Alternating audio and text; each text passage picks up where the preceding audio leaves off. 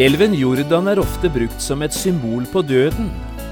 Det som da er fint å tenke på, er at de som gikk over Jordan, fant et nytt liv på den andre siden. En kjent sang sier det slik. Ved Jordans bredd vi legger ned hvert kors og hver en byrde, og livets krone i det sted vi mottar av vår hyrde. Det er ikke slutt ved Jordan, det er her det begynner.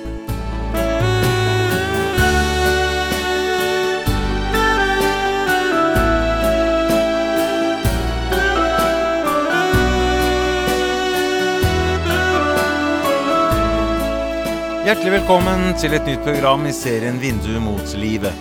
Programmet er produsert av Kristen Riksradio og blir ledet av Jon Hardang. Kristen Riksradio drives av frivillige gaver. Vi er glade for din støtte.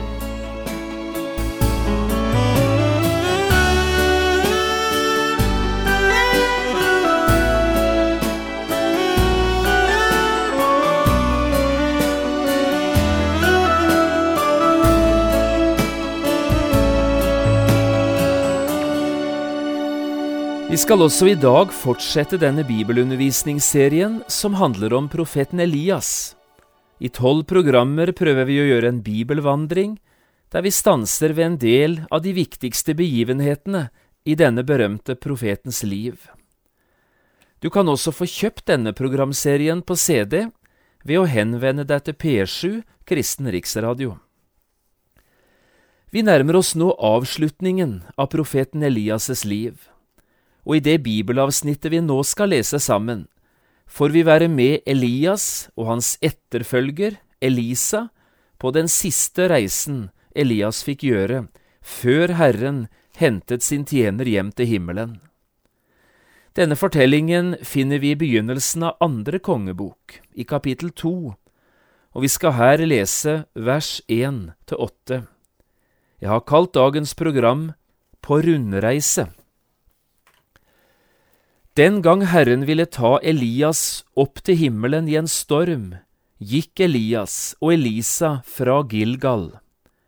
Og Elias sa til Elisa, Bli her, for Herren har sendt meg til Betel.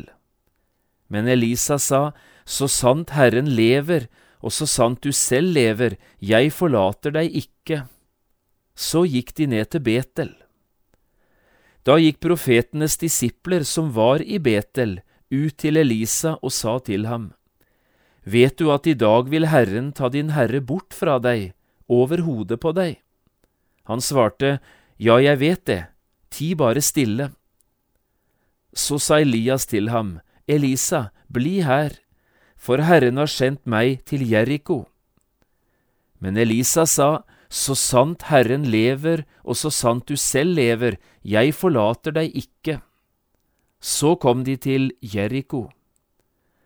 Da gikk profetenes disipler, som var i Jeriko, fram til Elisa og sa til ham, Vet du at i dag vil Herren ta din herre bort fra deg over hodet på deg? Han svarte, Ja, jeg vet det, ti bare stille. Så sa Elias til ham, Bli her, for Herren har sendt meg til Jordan. Men Elisa sa, så sant Herren lever, og så sant du selv lever, jeg forlater deg ikke. Så gikk de begge av sted. Og femti av profetenes disipler gikk av sted og ble stående rett imot dem, langt borte. Men selv sto de begge ved Jordan. Da tok Elias kappen sin, rullet den sammen og slo på vannet. Det skilte seg til begge sider, og de gikk begge over på det tørre.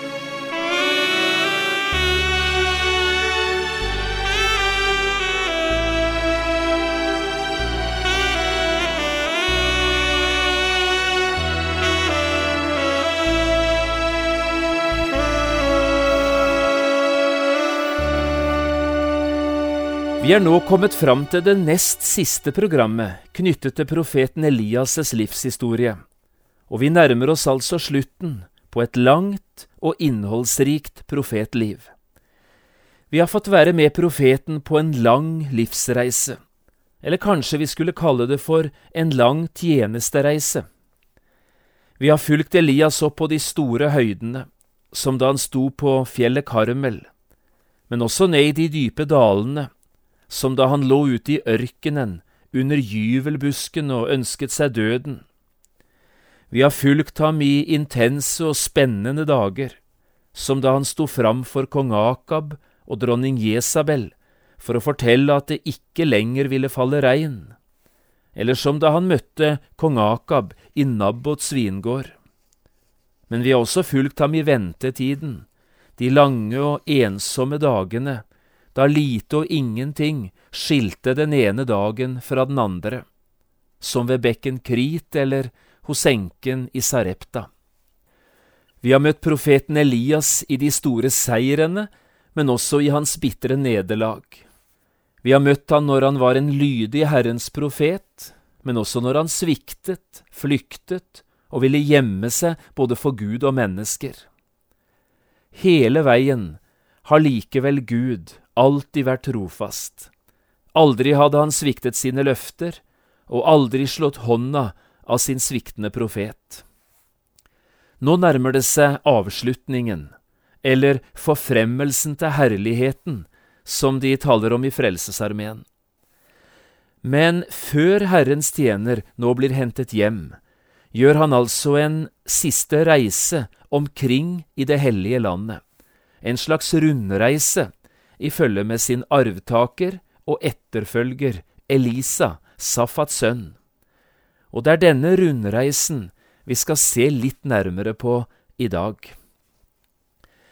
Hvis du nå fulgte godt med i det jeg leste fra de åtte første versene i andre kongebok to, så la du kanskje merke til at Elias og Elisa fikk besøke fire forskjellige steder. Dette var fire steder som det knyttet seg mye edel historie til. Det første stedet var Gilgal, det andre var Betel, det tredje var Jeriko, og det fjerde var Jordan. Nå vet jeg ikke hva du som lytter forbinder med disse fire stedene, men for at også du som lytter nå skal få tak i dette, la oss gjøre en liten reise tilbake i Israels historie, før vi så følger Elias og Elisa ut på sin rundreise. Det første stoppestedet var Gilgal, og Gilgal var det første stedet israelittene slo leir innenfor grensene av det lovede landet, etter at de like før, som ved et under, hadde gått tørrskodd over elven Jordan. Bak dem lå 400 år i trelldom i Egypt, og så 40 års ørkenvandring. Men nå var målet nådd, de var helt ved grensen av Kanans land. Og under Josvas ledelse fikk de så krysse denne grensen, og for første gang slå opp sine telt i det lovede landet.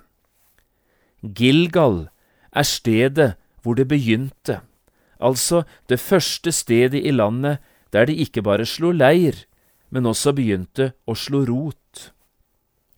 Det andre stoppestedet var Betel. For å finne Betels betydning for Israel må vi enda lenger tilbake enn til Josva. Vi må helt tilbake til Abrahams tid og til Jakobs tid, altså helt tilbake til fedretiden. I nærheten av Betel hadde Abraham en gang slått opp sitt telt, etter at han først hadde oppholdt seg en tid i Sikhem. Og her reiste han sitt alter for Herren. Han tok tid til sitt daglige liv med Gud. Betel er alterets sted i Bibelen. Selve navnet betyr Guds hus. Og her i Betel, Guds hus, fant Abraham alt det han trengte, både til liv og tjeneste. Det tredje stoppestedet var Jeriko. Nå er vi igjen tilbake til Josvas tid og til erobringen av Kanaans land. Jeriko var jo den første byen israelittene inntok på sin vei innover i Kanaans land. Jeriko er slagstedet framfor alle slagsted i Israel. Det var på en måte et seierssymbol for israelittene så lenge de kjempet og stred for å ta det lovede landet i eie. De tenkte Gud som ved sitt under hadde gitt dem seier den første gangen, i Jeriko. Han ville heller aldri siden svikte sitt folk. Det siste stoppestedet var Jordan.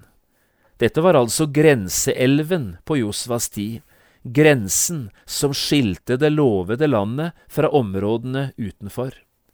Det var hit israelittene hadde kommet etter 40 års ørkenvandring, og ved Jordan sto det malt for dem, vi er snart hjemme, reisen er snart slutt, vi er øyeblikkelig fremme.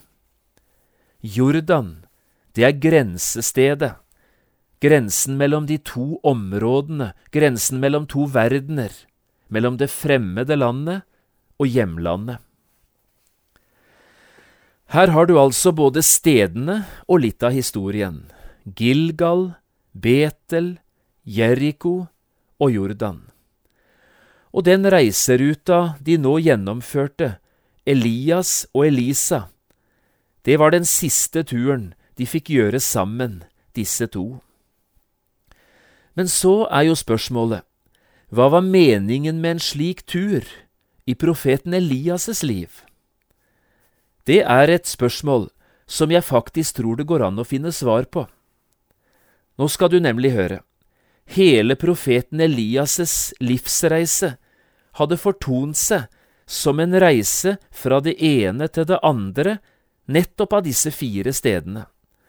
Også han hadde, for å bruke bildene, i sitt liv besøkt Gilgal, Betel, Jeriko og Jordan.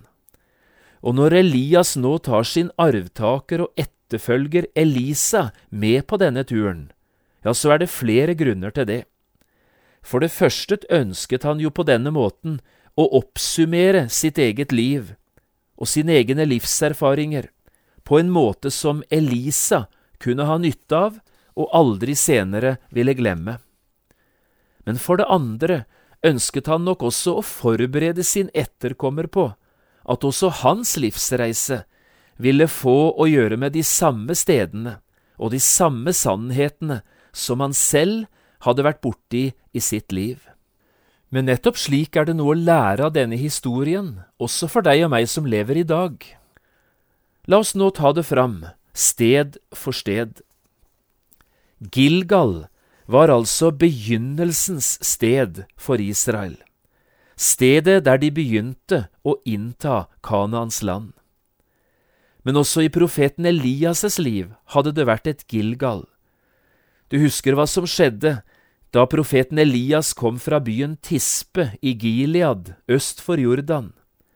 Det var her han hadde møtt Guds kall til tjeneste. Det var her den første ordren gikk ut på å oppsøke kongehuset for å tale til dem om regn. Det var her han begynte sin profettjeneste. Og kanskje hadde Elias helt konkret passert stedet Gilgal på veien til møte med kong Akab og dronning Jesabel. Gilgal hadde med Guds kall å gjøre for Elias, et kall til tjeneste, og med det å være lydig mot dette kallet. For Elias betydde Gilgal, jeg vil stille meg i gapet for Guds åsyn, til vern for landet, så han ikke skal ødelegge det. Gilgal betydde for Elias ordets tjeneste, der en nok alltid måtte regne med å bli stående alene, ofte med fare for sitt eget liv, men også en tjeneste der Herren ville gå med alle dager og alle slags dager. Ved Gilgal, begynnelsens sted, hadde altså Elias lært noe om hva et kall er for noe, akkurat som både en Elisa og slike som du og jeg også er nødt til å lære det om vi ønsker å tjene Herren. Det andre stedet var Betel, alterets sted. Dette var stedet for stillhet og bønn, ettertanke og tilbedelse. Ved Betel hadde Herren talt til sine tjenere, og ved Betel hadde disse tjenerne selv fått utøse sitt hjerte for Herren.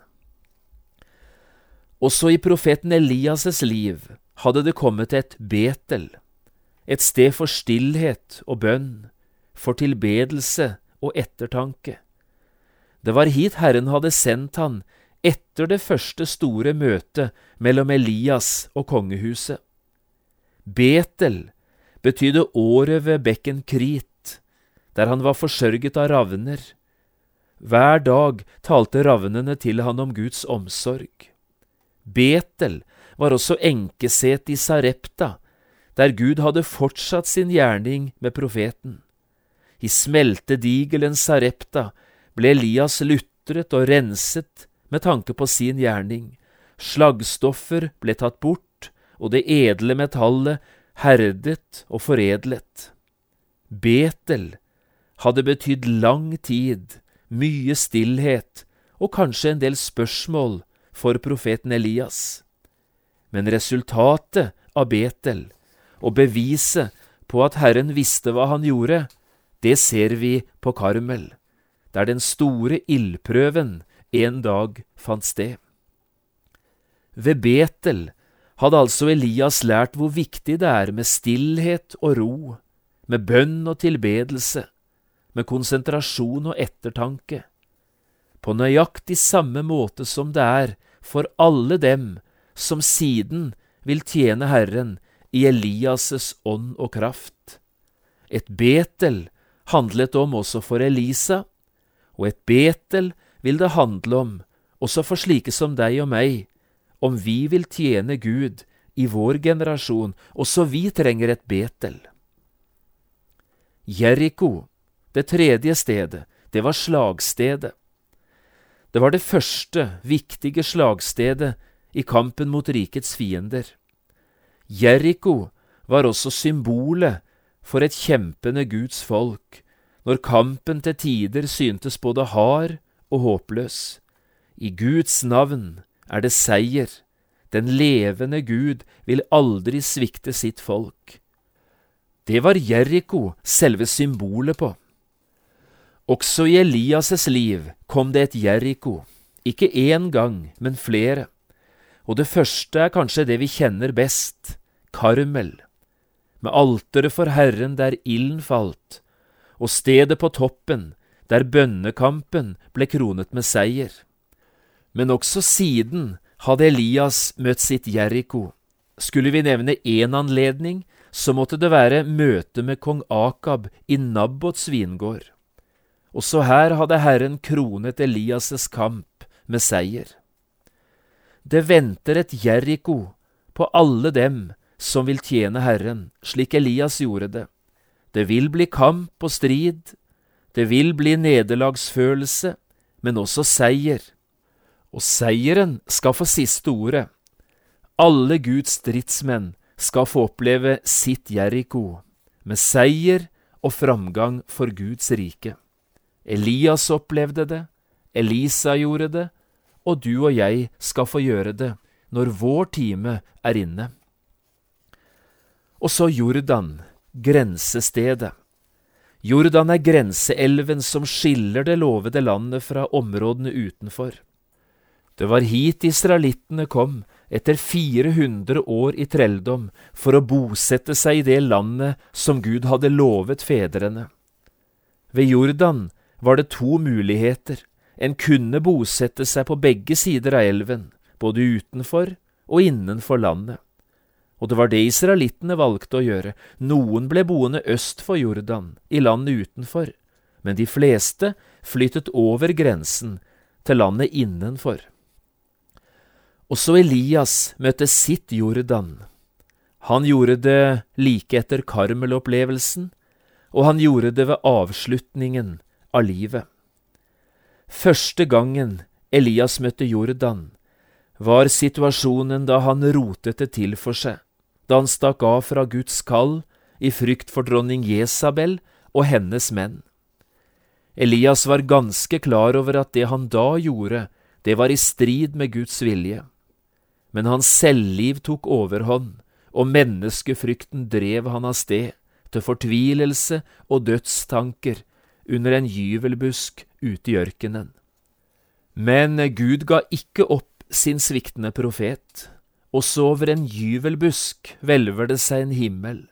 Også for en profet med skam og nederlag i sekken var det nåde å få.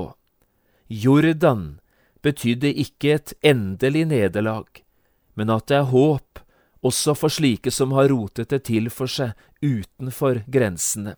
Jordan betydde for Elias en ny mulighet, også for meg som sitter fast i nederlaget og i skammen. Fem–seks år gikk av Elias' liv uten at vi vet hvordan han hadde det. Men så, en dag, lenge etter nederlag og gjenopprettelse, kom Herrens ord igjen til profeten. Kallet sto altså ved lag, og profeten fikk enda en gang lov til å gå. Også du og jeg vil møte vårt Jordan på denne måten, slik Elias gjorde det, og slik Elisa fikk gjøre det, med nederlag og svik, med selvopptatthet og menneskefrykt. Ikke alle dager er like. Det gjelder også en Herrens tjener i dag. Men Jordan forteller, det er nåde å få. Og så, mot slutten av sitt liv, møter profeten Elias igjen elven Jordan, men nå på en ganske annen måte enn tidligere. For grenseelven Jordan er også grensen mellom livet og døden. Jordan er symbolet for dødselven, for dødens flod. Det er her Elias nå skal ta farvel, først med et langt liv i Herrens tjeneste, og siden med mannen som nå skulle bære stafettpinnen videre, Elisa, Safats sønn. Den dagen Elias for opp til himmelen med himmelsk eskorte, var tjenesten for Herren som profet i denne verden avsluttet. Nå legger han bak seg livet og tjenesten i denne verden, og strekker seg framover mot livet og tjenesten i en ny verden. En dag blir det også din og min tur til å reise. Når det skjer, vet ingen av oss. Men reisedagen er det ingen grunn til å frykte. Når den dagen kommer, skal også vi få reise hjem til Gud, fra vårt Jordan.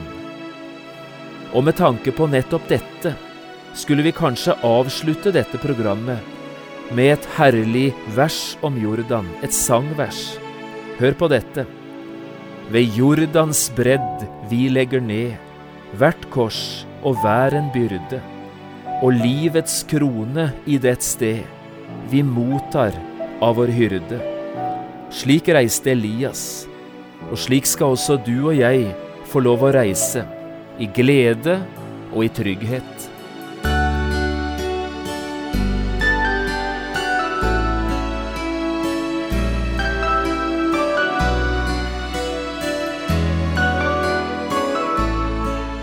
Du har hørt på et program i serien Vindu mot livet med John Hardang.